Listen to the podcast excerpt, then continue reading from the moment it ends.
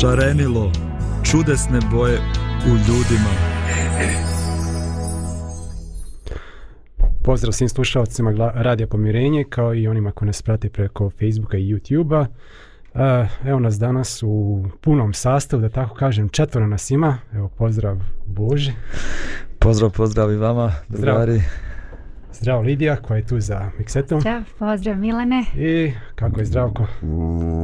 Zdravko tu došao, e, stigao, e, sve češću ću biti ovde, sve manje, sve manje ovaj, javljanja iz daljine.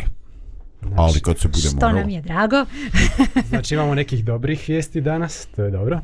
A, međutim, u današnjoj temi ja bi se bavio jednom za mnoge ljude tužnom vješću koja je a, koje, koji smo mogli da čujemo, za neke manje, za neke više, ali Matthew Perry, glumac, najpoznatiji po svojoj ulozi Chandlera Binga u seriji Prijatelji, umro je a, prije četiri dana, ako se ne vram, 28. oktobra.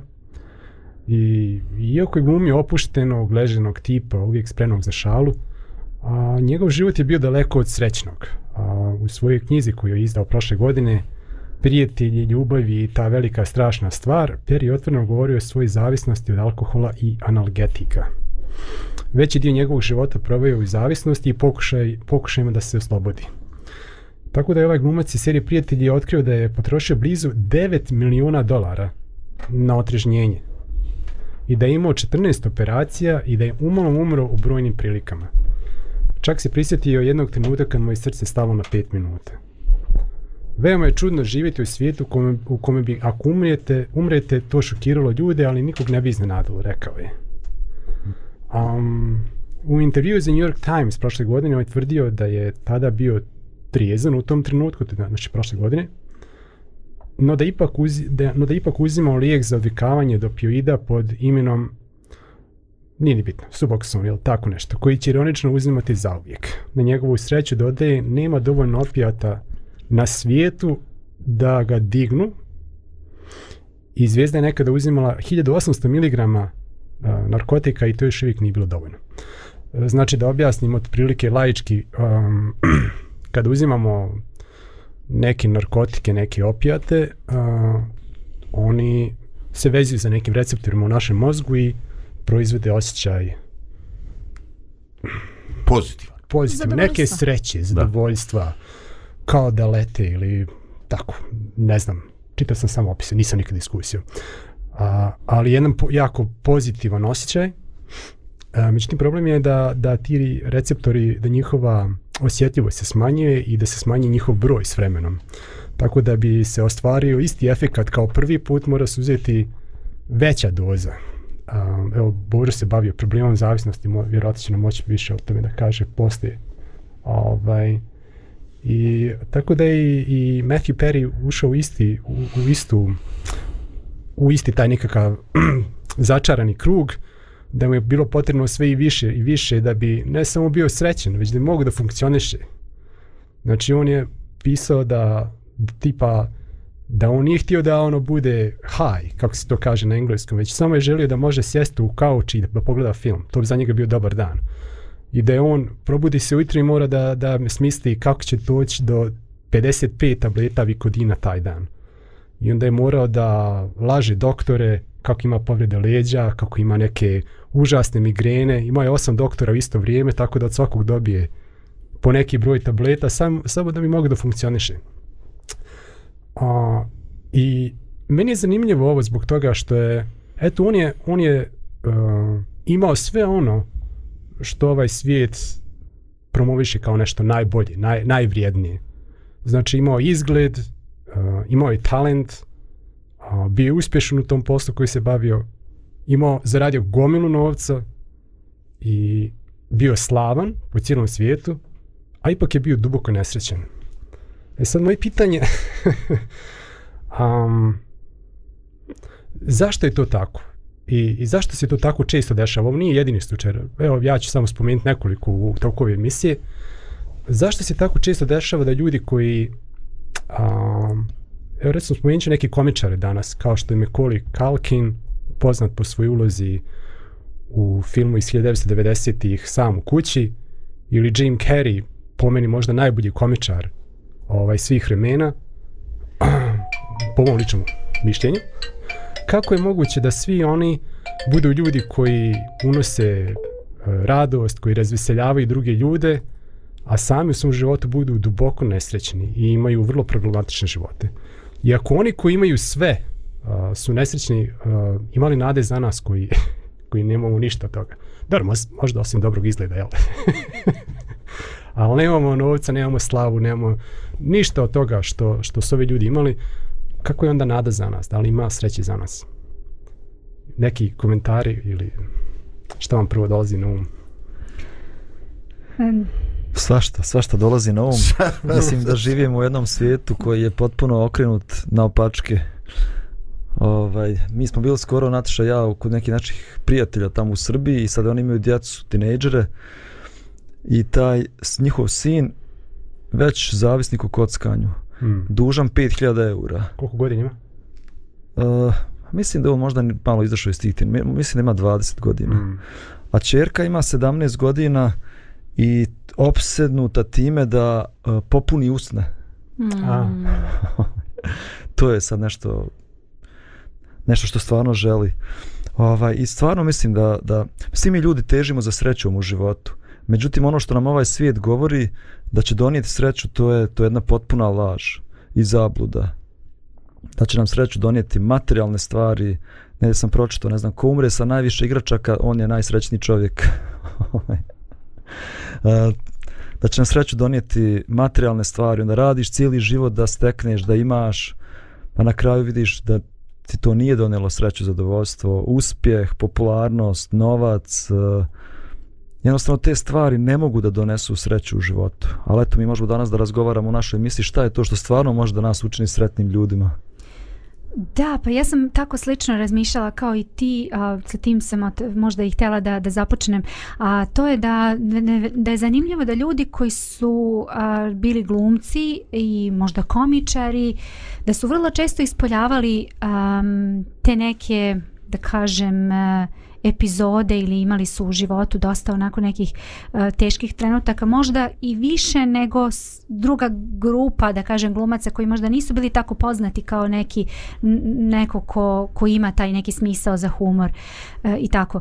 E, I obično e, važi jedno vrlo netačno mišljenje, a to je da su ljudi koji su e, bili komičari, koji su bili tako ljudi koji su, eto, da kažem, ves, razveseljavali e, ljude, da su oni oni možda manje onako da kažemo ajde inteligentni i da su tako, nisu tako ono bitni, ali tako znaš neko ko je ozbiljan kao glumac, koji ima ozbiljne uloge, taj je mm. nešto.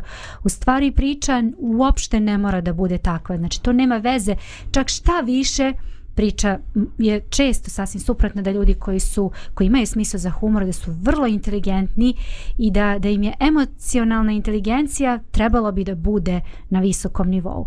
I i oni imaju taj dodatni teret gde god se pojave da ih ljudi doživljavaju kao neku koji je takav kao što jeste recimo na filmu ili u nekoj seriji ili šta god tako da oni a, nemaju a, nemaju osjećaj da imaju nekoga sa strane kome možda mogu da se povere sa njima ozbiljno da razgovaraju o nekim životnim pitanjima koje ih muče mm. zato što ih ljudi uopšte tako ne doživljavaju znači gde god da odu oni su taj neko, taj neki lik koji su možda oni glumili i to onda stvara jako, jako velike možda posljedice ili probleme koje oni nose sa sobom mm. Ajde da dodatno iskomplikuje uh, kad čitamo knjigu propovjednikovu mudrog Solomona. Ovaj, e, mi vidimo da je on jedan period života se ponaša upravo tako. Kaže, razmišljaj da dadem tijelo svoje ovaj e, na jelo, piće i kaže, ne uskraćivah sebi ovaj, e, jednog zadovoljstva i napunih dvor i e, zlatom i srebrom i igračicama i ništa sebi ne uskraćivati. Ovaj, I kaže, i pored svega toga osta moja mudro sa mnom. Ovaj, ali, ali on će reći na kraju, ali kaže, i to je taština. Dakle, ovaj, eh, on nije izludio, nije čovjek ovaj, pukao u smislu da je eh, izašao iz neke fiziološke normalnosti, on definitivno ide da isprobava, da testira život i životne realnosti, znači e, na takvoj je poziciji da ne mora slušati tuđa moralisanja, -huh. on mhm. to se može priuštiti, nema niko da kažu što se odradiš, to nije u redu. Ovaj, I ponovo ta neka stara pravila mu se pokazuju pokazuju kao, ovaj, kao nešto jako normalno, znači e, ne, ne dobacuje. Ovaj, i, I ja vjerujem i sad Basra sam razmišljao o tvojoj temi ovaj, eh, i vidim nekad, eh, nekad dva kriterijuma koji su posve različiti, ali dobro, nadam se tokom emisije da će biti prilice. Dobro, hvala. Ovaj, um, mislim da, da iako se s vremena vrijeme čuje ta misla da novac ne donosi sreću, da, da, da su to neki usamljeni glasovi među hiljadama drugih i da jednostavno pod pritiskom većine i mase a, mladi ljudi prihvati takve ideale i, da, i da je to mnoge živote odvelo na neki pogrešan put. I mislim da nije nikad zgorek da, da ponavljamo još glasnije Znači, ako je zaista slava, novac, um, uticaj, um, uspjeh, ako je to to, onda ovi ljudi koji imaju sve te stvari i mnogo više nego što mi možemo da sanjamo, a opet su tako duboko nesrećni da, da ne mogu da funkcionišu jedan dan, ne mogu da, ne mogu da uživaju ni u čemu životu, uh, da je to velika lekcija za sve nas. Mislim, Samo da dodam, ti si, rekao, ti spomenuo nekoliko, nekoliko tih ljudi, ali to nisu nekoliko ljudi. Ja sam čitao, ne znam, Filip Jensi, pisac, je napisao neku knjigu, zavorio se kako se zove, istraživo živote popularnih ljudi, pjevača, sportista. Znači, on kaže sve do jednog. Hmm. Znači, bukvalno sve do jednog vode mizeran život, raspadnuti brakovi, ne mogu da žive bez pomoć psihijatara, uh, Tako da nije to sad jedan slučaj, evo, Matthew Perry je ovaj primjer. Našli smo jednog, ono, či, uh, kako se zove, Ch cherry picking. Našli smo jedan od milion i onda smo, eh, vidite, on je bio nesrećan. Već je to zaista pravilo, ne, to nije izuzetak od pravila. Da, drago mi što ste rekli. Evo, čak i ja, ja u stvaru, ja, sad možda mislite da ja ovde znam sve biografije eh, hollywoodskih glumaca i pjevača, u principu ja, ja ne ulazim toliko u živote ljudi. Čak i oni koji mi se sviđaju kao mm -hmm. pjevači ili glumci, uh, nisam taj tip da ulazim duboko u njihove živote, ali čak i ja sam primijetio jednu zakonitost, da, prosto nevjerovatnu zakonitost, da, da ljudi koji postignu tako mnogo na jednom planu, u drugom planu su mi životu totalno, totalno propali. I mislim da, da, da je bitno da naučimo tu lekciju, da, da evo, juče sam spomenuo da mnogi ljudi trče uz neke, to je Steven Covey spomenuo u svojoj knjizi, ako se sjećaš, možeš a, da mnogi ljudi trče i trude se da da se popnu na te, neke te ljeste uspjeha, a kad napokon stignu do vrha kažu, onda shvate da, da oni ušte takav uspjeh nisu ni htjeli. da. Drugim riječom da su se penjali uz pogrešne ljestve.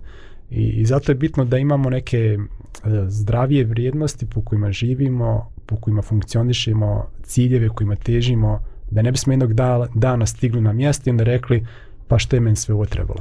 Ali prije nešto nastavimo sa diskusijom, evo, Lidija, može jedna muzička pauza. Može.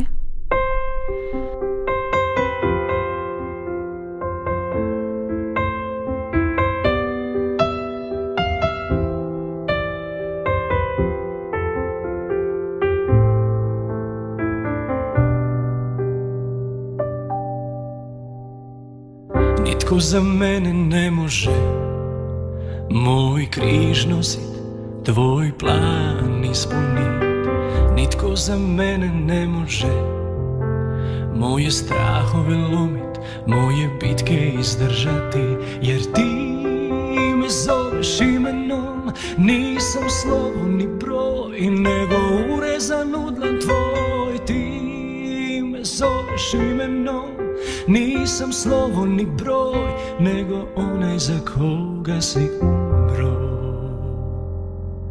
I to je moj život, moja borba i bol Moja radost i spas i križ i blagoslov To je moj život, moja borba i bol Moja radost i spas i križ i od neba blagoslov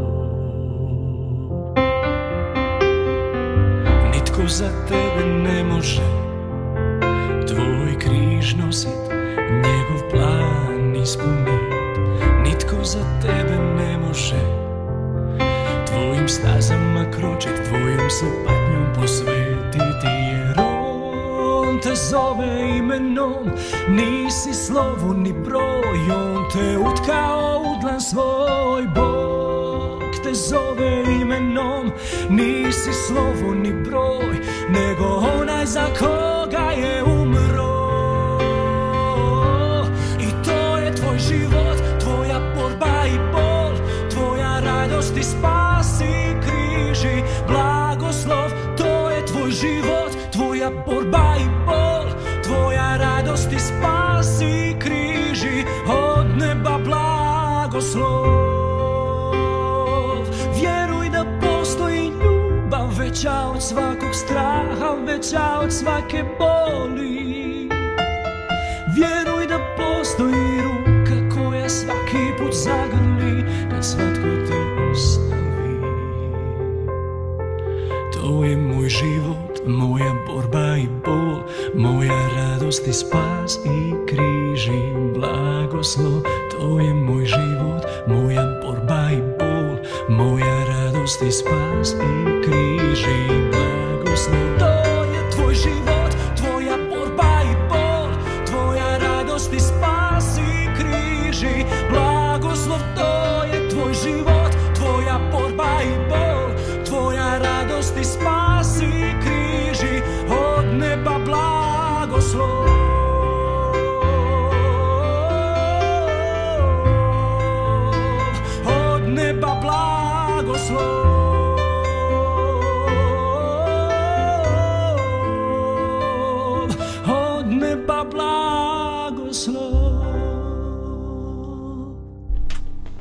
Evo govorimo o Matthew Perryu i ne samo o njemu, već i o, o mnogim slavnim ličnostima koji, koji su postigli na neki način uspjeh a, i dobili sve ono što ovaj svijet nudi, a u svojim životima su bili duboko nesrećni i pokušamo da nešto da naučimo iz njihovih života, nešto što može da obogati i oplemeni naše. Um, zanimljivo je da, da je Matthew Perry kao tineđer jako želio da bude poznat. I on se sjeća, on se sjeća da on se sjeća da se molio a, da je molio nebesa da bude slavan. Bože, možeš mi raditi šta god hoćeš, samo molim te učini me poznatim, sjećao se on svoje molitve. A, šta vi mislite? a, da li je a, da li je dobro da se molimo hm, kako da, kako da to sada kažem, da li je dobro da svaka naša molitva bude ustišena? I da li možda treba da obratimo pažnju šta je to, šta, je to, šta, šta to želimo u životu i zašto se molimo? Ima ona jedna uzrečica, ovaj, pazi zašto se moliš, možda ti bude uslišena, da, baš postoji. Ima i ona narodna, kaže, dala baba dinar da se uhvati u kola, platla dva da se izađe iz kola. Ali ne može. Da, ovaj, znači, definitivno, definitivno to su. Ali ta molitva je meni ovaj nešto nerealna. Ovaj, evo, evo sad će to malo crnjak izgledati ali ovaj to meni više to meni ne liči na molitvu više mi liči na ovaj neki ovaj ugovor s đavolom učini mi to možeš mi raditi šta hoćeš ovaj a on zna se ko s đavolom tikve sadi od glavu mu se lupaju dakle nije mi tu nešto zdravo zdravo ovaj u startu mm. ali ja ako dozvoliš ja sam opterećen nekako vidim to na, na sasvim dva ovaj e, kolosijeka jedan je taj fiziološki psihološki. Jednostavno kako funkcionišu ljudske ljudski ovaj ljudske potrebe, ljudski porivi. Dakle, ovaj e, da bi uživao u hrani ti moraš moraš doći u stanje gladi. Mhm. Uh -huh. Znači, ne možeš, ovaj, ne možeš, mislim, možeš. Kažu da su Rimljani ovaj, na tim svojim sjedeljkama da su namjerno izazivali povraćanje da bi mogli probati još ti specialiteta sa tog njihovog velikog stola. Što je baš onako ovaj, nenormalno. Ali, ovaj, znači, e, postoji princip taj zasićenost čula.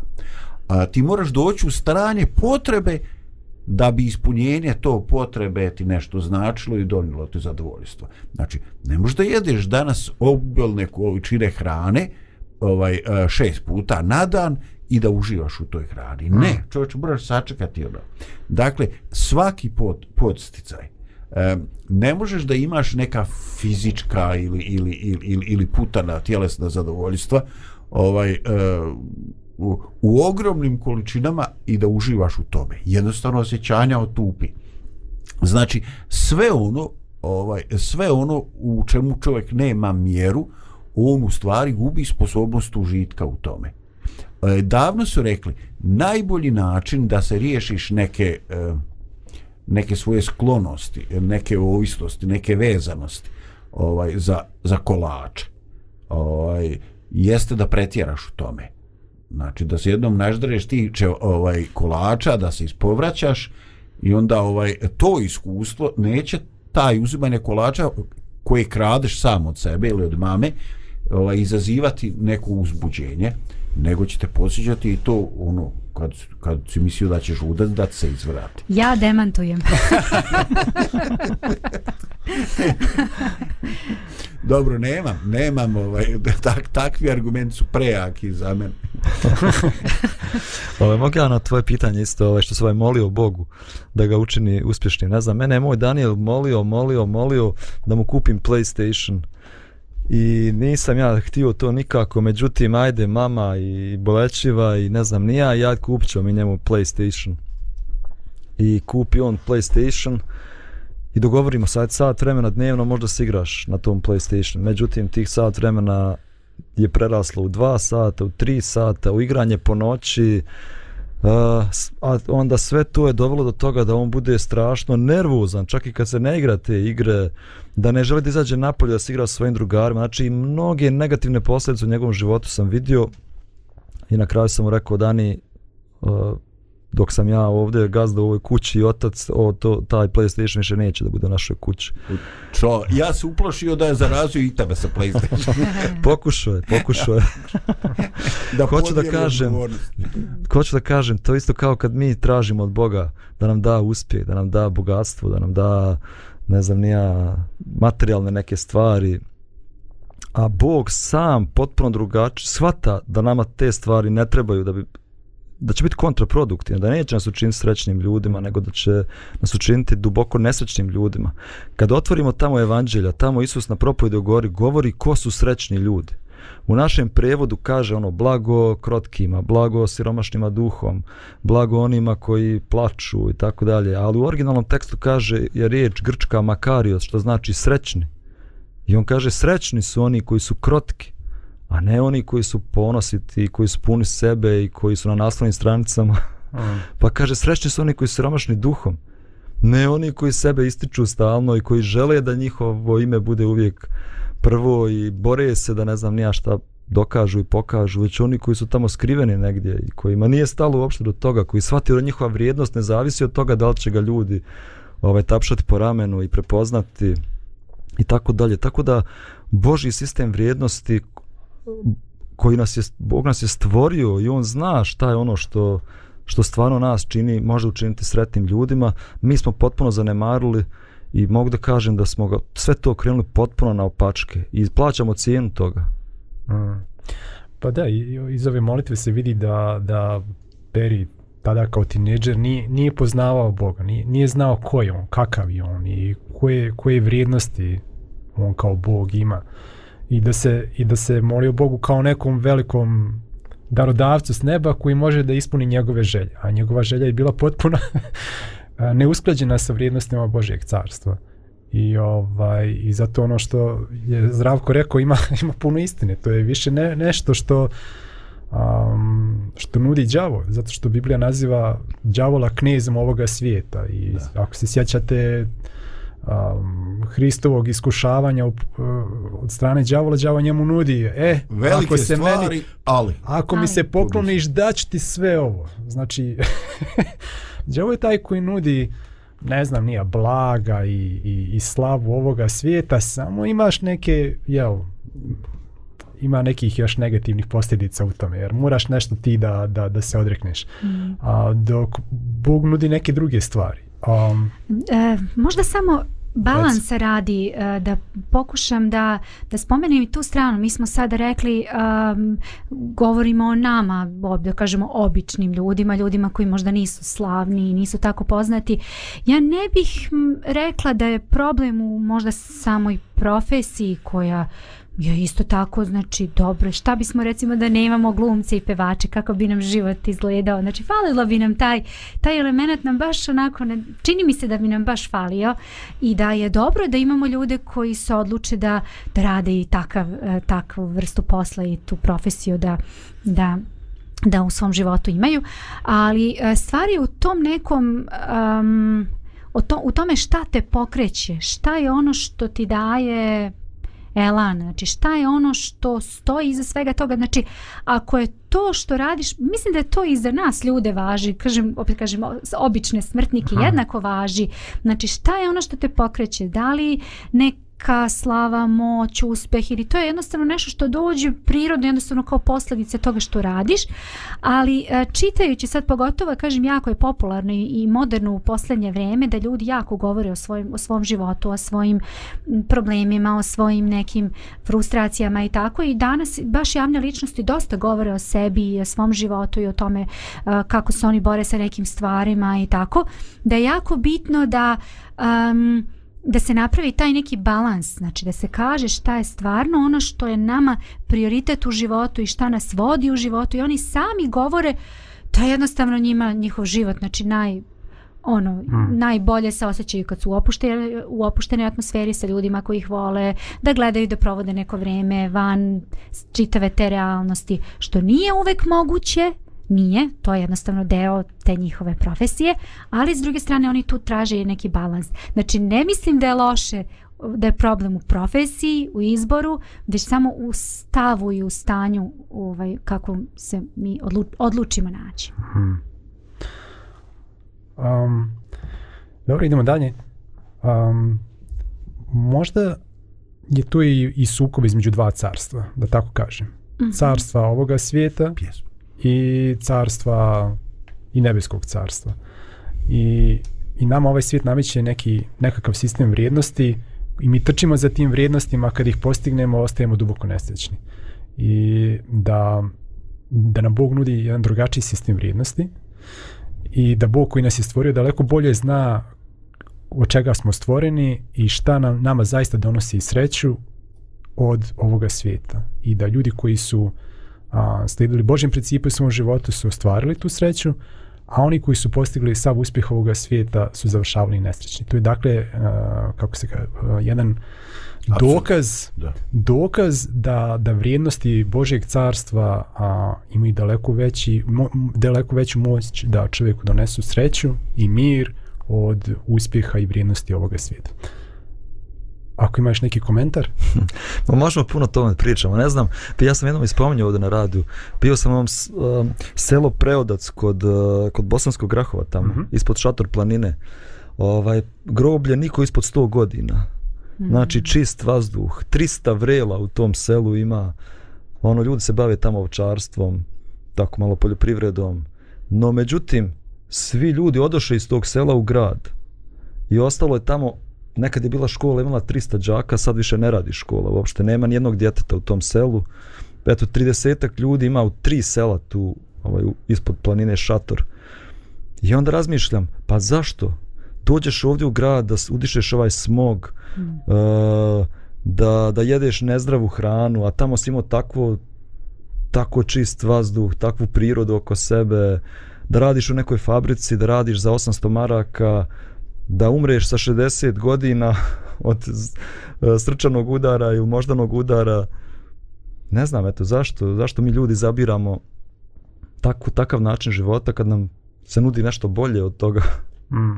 Pa I kad govoriš o dugovječnosti, ovaj, kad su neki naučici proučavali u razloge dugovječnosti određenih grupa ljudi, otkrili su da uh, da, da religiozni ljudi žive duže zato što uh, onda oni pretpostavljaju da da je ta njihova religioznost da, da im ta njihova religioznost pomaže da se nose sa životnim problemima, da doživljavaju manje stresa i da doživljavaju veće zadovoljstvo u odnosima i da i da jednostavno on na, on na taj način objašnjavaju, ali je činjenica da oni koji, koji su duhovni, duboko duhovni i religiozni, da imaju ne samo kvalitetni, već, već i duži život. Što opet do, govori u prilogu ono što sam govorio, da vrijednosti Božjeg carstva donose i kvalitetni i duži život u odnosu na, na uspjehe i vrijednosti ovoga svijeta kad ih čovjek ostvari.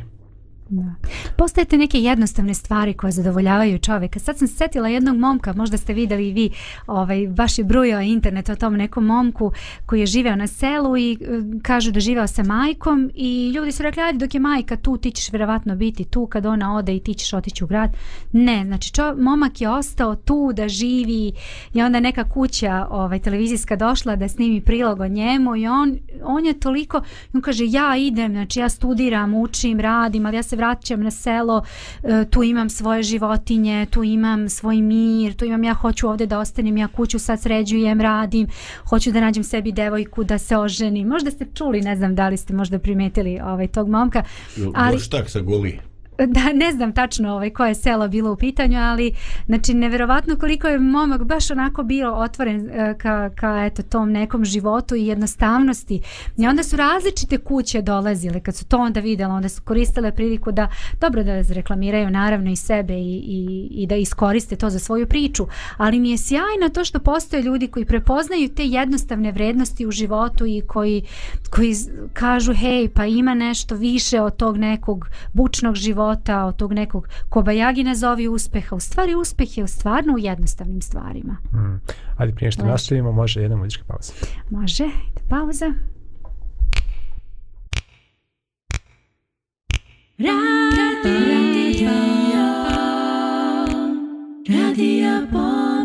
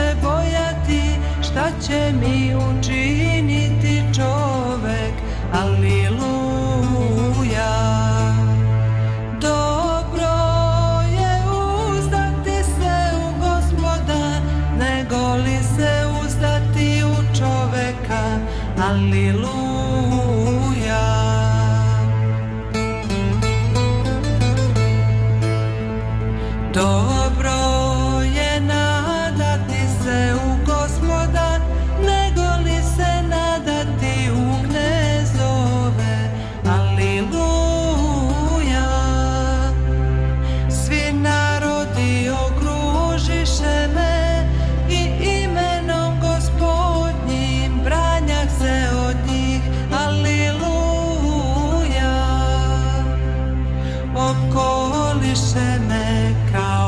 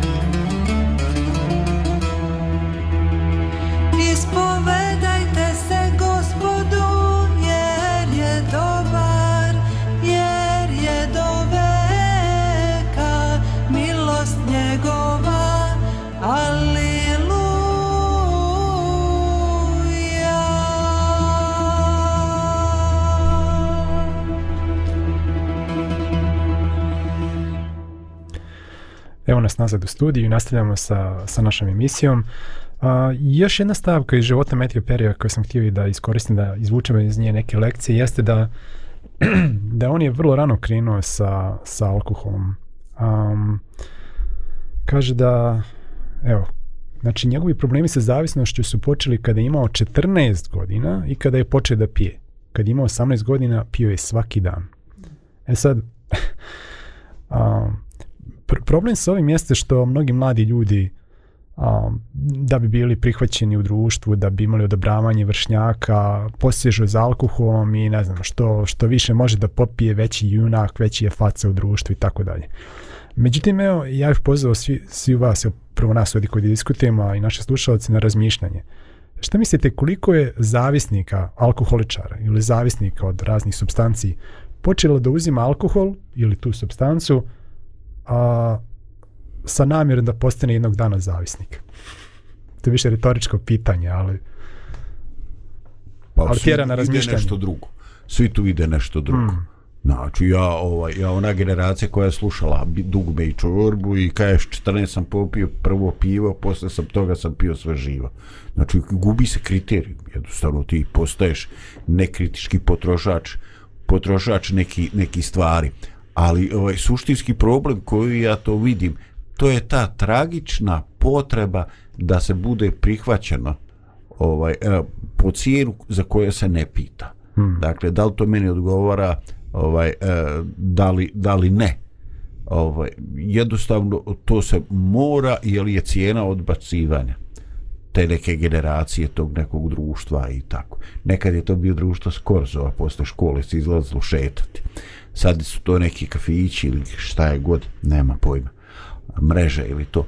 Ali, ovaj, znači, cijena je ogromna i šta, eh, šta izaziva tu, eh, tu takvu žestoku ovaj, potrebu da se bude in, da se bude na liniji, a i to je više i mi koristimo stariji za političku korektnost. Zašto postoji ta? Od čega potiče tolika potreba da se eh, tom nekom kolektivnom standardu udovolji? po cijenu da se ide i protiv svojih interesa i protiv onoga što tem prija. Hmm. Meni je to fenomen. Pa ne vole ljudi da, da drugi ljudi o njima ružno govore. Niko to ne voli. Uh, a javne ličnosti su toliko eksponirane da jednostavno uh, Znači, stalno se o njima priča i prate se njihovi životi i vrlo je teško uspostaviti neki, neki zdravi balans. Pa ja govorim, ja gledam prvo o sebi, znači ja ne volim da ljudi o meni ružno govore. Kad go čujem da neko, ja uvek imam osjećaj i potrebu da nekako to demantujem ili da bar ispričam svoju priču, da kažem, hej ljudi, sačekajte da vam kažem ipak da vidite malo i drugu stranu. E onda koliko možda taj osjećaj imaju ljudi koji su popularni još mnogo, mnogo više. To je samo jedna stvar, jedna od, od tih ovaj, Lidija. problema. Pa oni nemaju taj problem. Oni samo da se o njima priča, ušte nije bito da li pozitivno ili negativno. Njima i negativna reklama, reklama. Problem nije. je kad niko ne priča o njima. Da, da, jest. Ali treba da nadođeš, da, da dođeš do tog nekog nivoa. Da, pa I onda da. neke stvari moraju da ti budu i sve jedno. Ja sam slušala masu i stalno se o tome priča. Na javne ličnosti o tome stalno.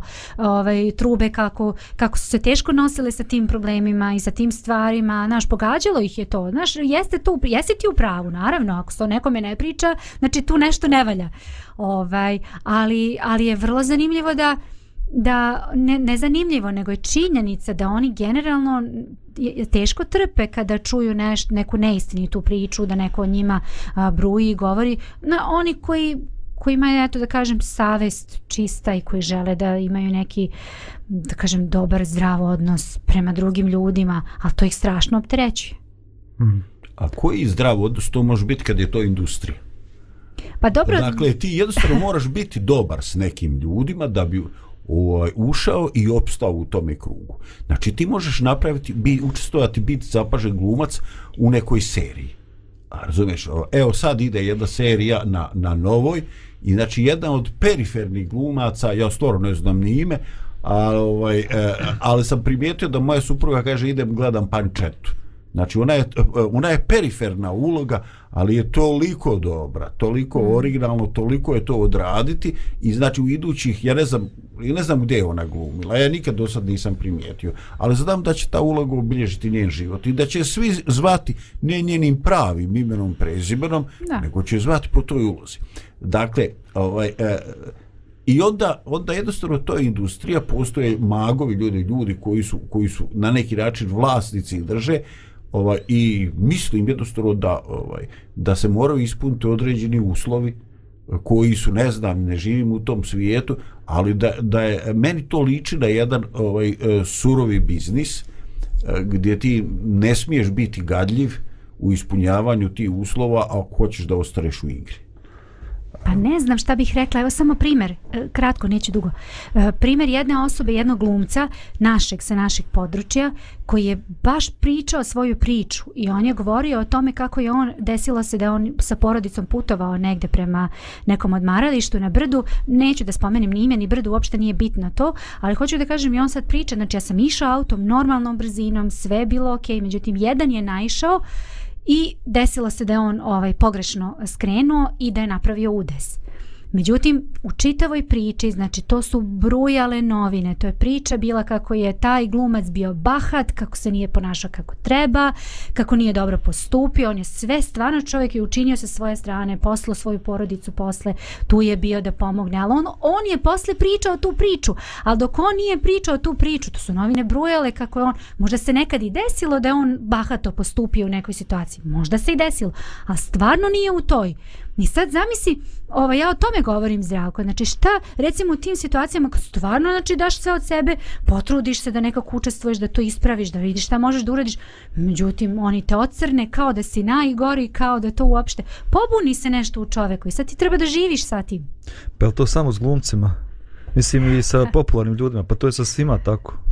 Da, ali Mislim, dobro, svakoj... odjek je možda veći, pa onda, znaš, još gore bude, ne znam. Da, možda to samo javno, ali Tako ti u svakoj firmi, u svakoj organizaciji. Tačno, tu si u pravu, slažem se. Možda da idemo na još jedan primjer koga sam ranije spominao, Mekolija Kalkina. Da duše u njegovom životu su bile zaista objektivno neke negativne okolnosti. Znači njegov otac je bio neki neuspješni glumac i on je svakog od svoje sedmoro djece gurao u, u glumački posao sa željom da nekako realizuje svoj uspjeh preko, preko djece. Uh, i nije samo Mekoli imao uspjeha, već i njegova neke, neka braća i sestara su imali takođe. Međutim, niko kao, niko kao on. I mislim da je on već sa četiri godine da su ga obacili u, u glumu. I da onda, ovaj, i on imao nekoliko filmova prije tog po kome je postao najpoznatiji. I onda je bio zapažen u to nekom filmu a, Ujak Bak, tako se ta prilike zvao, ili Streets Bak, ne znam nije. I onda su bukvalno napravili film za njega, baš specijalno tu ulogu za, za Mekolija Kalkina. I onda je on to kad je ostvario uspjeh, onda je njegov otac njega gurao u svaki mogući film. Uh, on, je, on je za dvije godine snimio 14 filmova. Hmm. Kaže da, da je znao da po čitav dan ima samo intervjue u nekoj zagušenoj prostoriji bez svježeg vazduha. Znači, zamisli sa dijete, ne ide redom u školu, ne, izde, ne izlazi vani, ne igra se sa drugovima nema normalno djetinstvo, već radi od jutra do mraka. I pritom ga još, e, pritom je, ovaj, on imao nikakvu, da kažem, riječ u izboru filmova u kojem je glumio, a onda još kada je napravio uspjeh u samu kući, nije više ni, ovaj, nije imao više ni mogućnosti da ima bilo kako slobodno vrijeme, vrijeme za sebe. I onda je to vrlo, naravno, poslije nekog vremena to se primijetilo i po, njegovom, po njegovoj glumi. Tako da se neki kritičari rekli da izgleda kao da je, kao da mu je dosadno. A naravno mu je bilo dosadno, jer šta radi dvije godine samo, samo glumi pred kamerama. I, ovaj, I onda je on jednom trenutku rekao, ok, stop, što ste zaradili novca na meni, zaradili ste, ja više ne mogu ovako i vraćam se nekom običnom životu. Međutim, nije to tako lako išlo i on je pokušao da se vrati na jel, na scenu, da počne da glumi, nije imao uspjeha, pa su mu onda neki ljudi iz porodice umirali, polu sestra, pa sestra, pa je imao bliske odnose sa, bliske odnose, bio je prijatelj recimo sa, sa Michael Jacksonom, koji je također umro tu to neko neko vrijeme, pa je onda te neke veze koje imao nisu bile uspješne, nekad njegovom krivicom, nekad ne.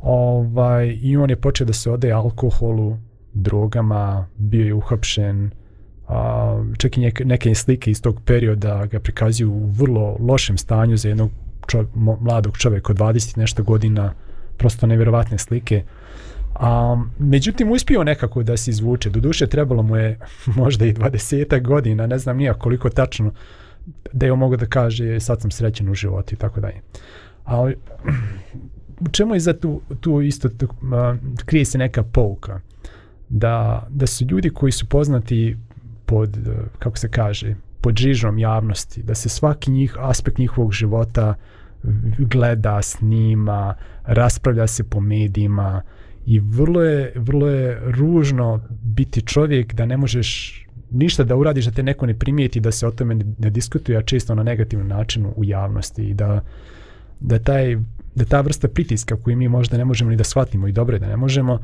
uzirko je da ti ljudi posježu za nekim traži neku vrstu olakšanja. A gdje je najdostupnije olakšanje nego u substancama kojima smo okruženi, razumijete? A, I u tome je problem što ako se mi navikavamo, ne znam, još od mladih godina da, ne znam, pijemo, da tamo dosta na zapad uzimaju se, a sve više kod nas uzimaju se neke droge na žurkama i tako dalje, šta će čovjek da uradi kad se nađe u, u teškoj situaciji?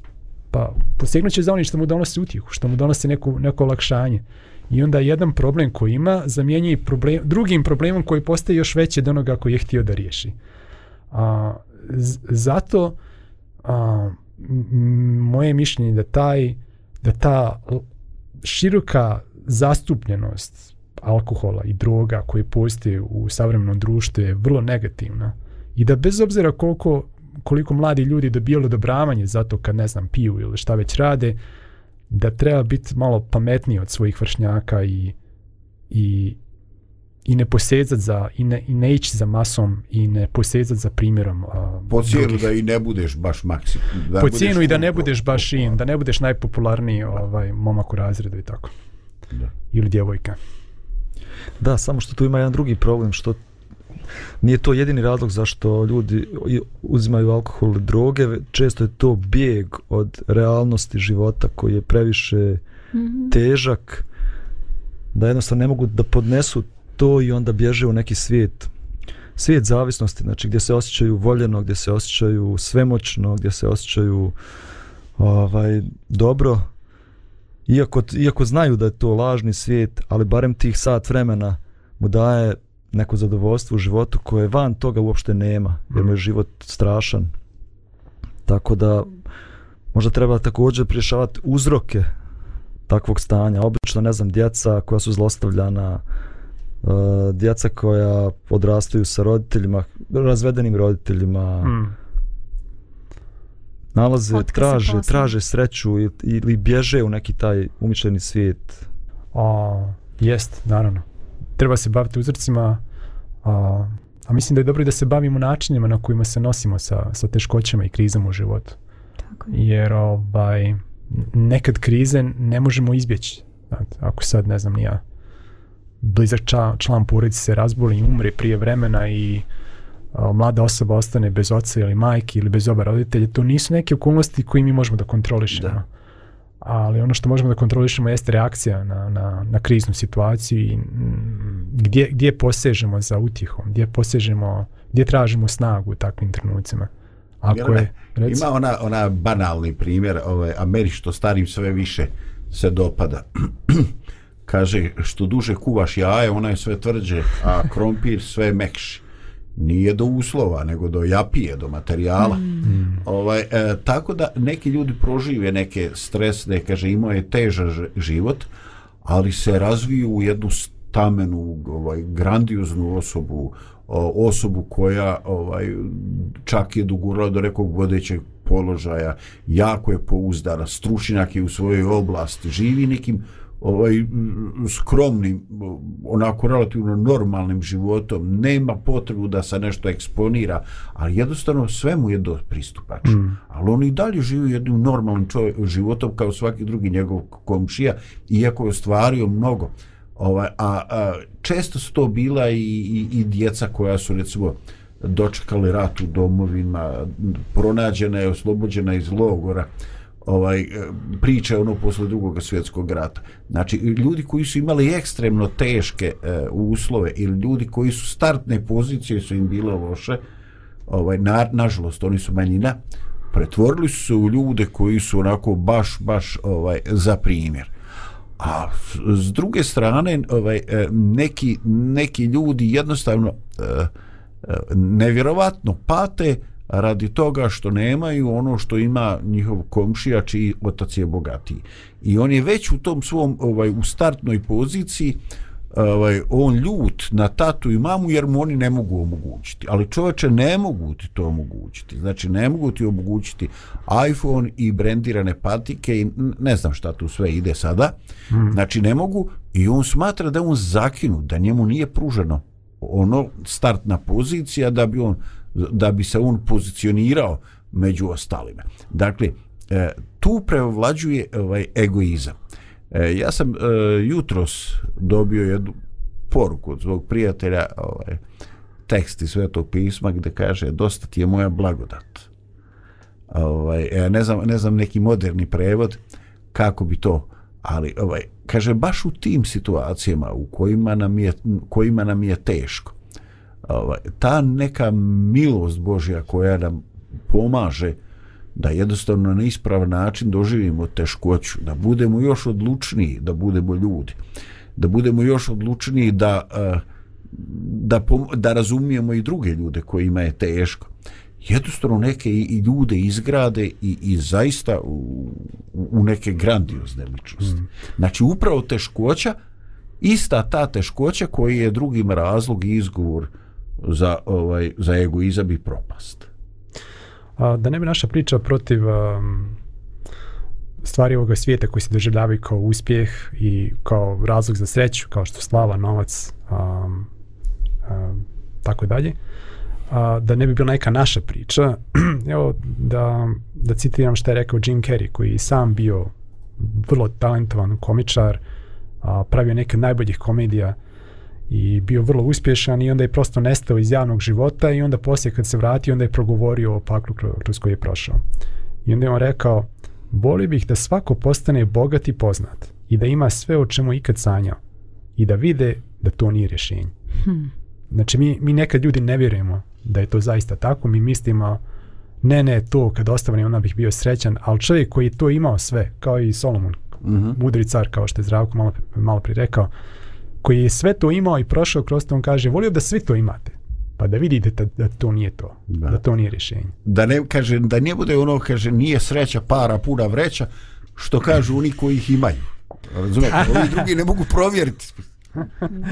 Jeste, evo i, i u toj skladu potpunosti sa, evo, sa riječima i svjetog pisma koje je sam gospod Isus Hristos rekao, a, pazite i čuvajte se svake pohlepe jer i kad čovjek ima u izobilju, njegov život ne zavisi od njegove imovine. Um, ok, kontekst ovog, ovih riječi jeste dužina njegovog života, zato što neki čovjek može da ima sve, a da mu sutra život okonča. Ali mislim da se to odnosi ne samo na dužinu, već i na kvalitet čovjekovog života, da mu ne mhm. zavisi od, od njegove imovine. Da. Um, neki još komentar prije što privedemo ja, i misli u kraju? Ja bih samo u dve rečenice danas apel stavila na roditelje, pošto sam ja roditelj i meni je to nekako na srcu, a to je da u svoje deci usađujemo te pozitivne vrednosti i da, nji, da ih učimo šta je ono u čemu se stvarno sreća može naći. Ja sam jutro svodila razgovor sa svojom čerkom i baš smo o toj temi nekako došli smo i do toga i opet sam joj o tome pričala. Deca prođu tinejdžersko razdoblje, različite faze faze životne, sve to m, sasvim normalno i prirodno. Oko nekih stvari će deca vrć, vrtati očima, neće hteti da to prihvate, ali vodite decu u prirodu, provodite vreme sa njima, imajte zajedničke obroke, učite i pravim vrednostima u životu, otvarajte sa njima e, knjige, čitajte sa njima, e, čak ako oni, oni možda ne žele, pokušajte vi nekako da ih, da ih privolite i okrenite ih ka Bogu i neka neka deca stvarno uče iz vašeg primjera šta su stvarne vrednosti, a oni će to kasnije usvojiti, to ostane sigurno, ovaj, iako možda na prvi pogled i ne, ali to će biti nešto što će deca zaista usvojiti kasnije u svom životu. Hmm, dakle, e, samo ti uradi što treba, priznane će za to doći makar posthumno, je li tako? Tako je. Bože, neka misli za kraj možda. Da, pa ne mora priznanja ni da dođe. Da. Zato što jutro sam evo baš čitao naš tvorac, Bog, nas voli bezuslovnom ljubavlju i prihvata nas ovakve kakvi jesmo. I ne moram da dobijem nikad nikakva priznanja od ljudi zato što znam da me on voli i da me mm. prihvata mhm. ovakvo kakav jesam i da mogu da budem to što jesam uh, baš zbog njegove, njegove ljubavi. Ovaj, eto, kao alternativu tome da da slavni ljudi koji mnoge ljudi poznaju i, i vole ih na kraju budu čemerne jedna alternativa tome. Čitam riječi e, psalmiste Davida iz 73. psalma. Kad mi je srce bilo čemirno i misli ogočene, bio sam bezumnik i neznalica, živinče beslovesno pred tobom. Ali ipak sam stalno s tobom. Ti me za desnicu držiš. Svojim savjetima me vodiš, a na kraju ćeš me uvesti u slavu. Koga ja na nebu imam osim tebe? A uz tebe ništa mi na zemlji nije milo. Zanemoćati mi može tijelo i srce, ali Bog je snaga moga srca i moj dio do vijeka. Propašće oni koji su daleko od tebe, ti zatireš sve koji su ti nevjerni. A za mene je dobro da budem u Božjoj blizini. U gospodu nalazim utočište. Pričat ću o svim tvojim djelima. Amin. Eto, toliko za kraj. Hvala vam a, u, na učestvovanju u ovoj našoj, rekao bih, vrlo korisnoj diskusiji, a pozdrav svim slušalcima. Pozdrav. Pozdrav.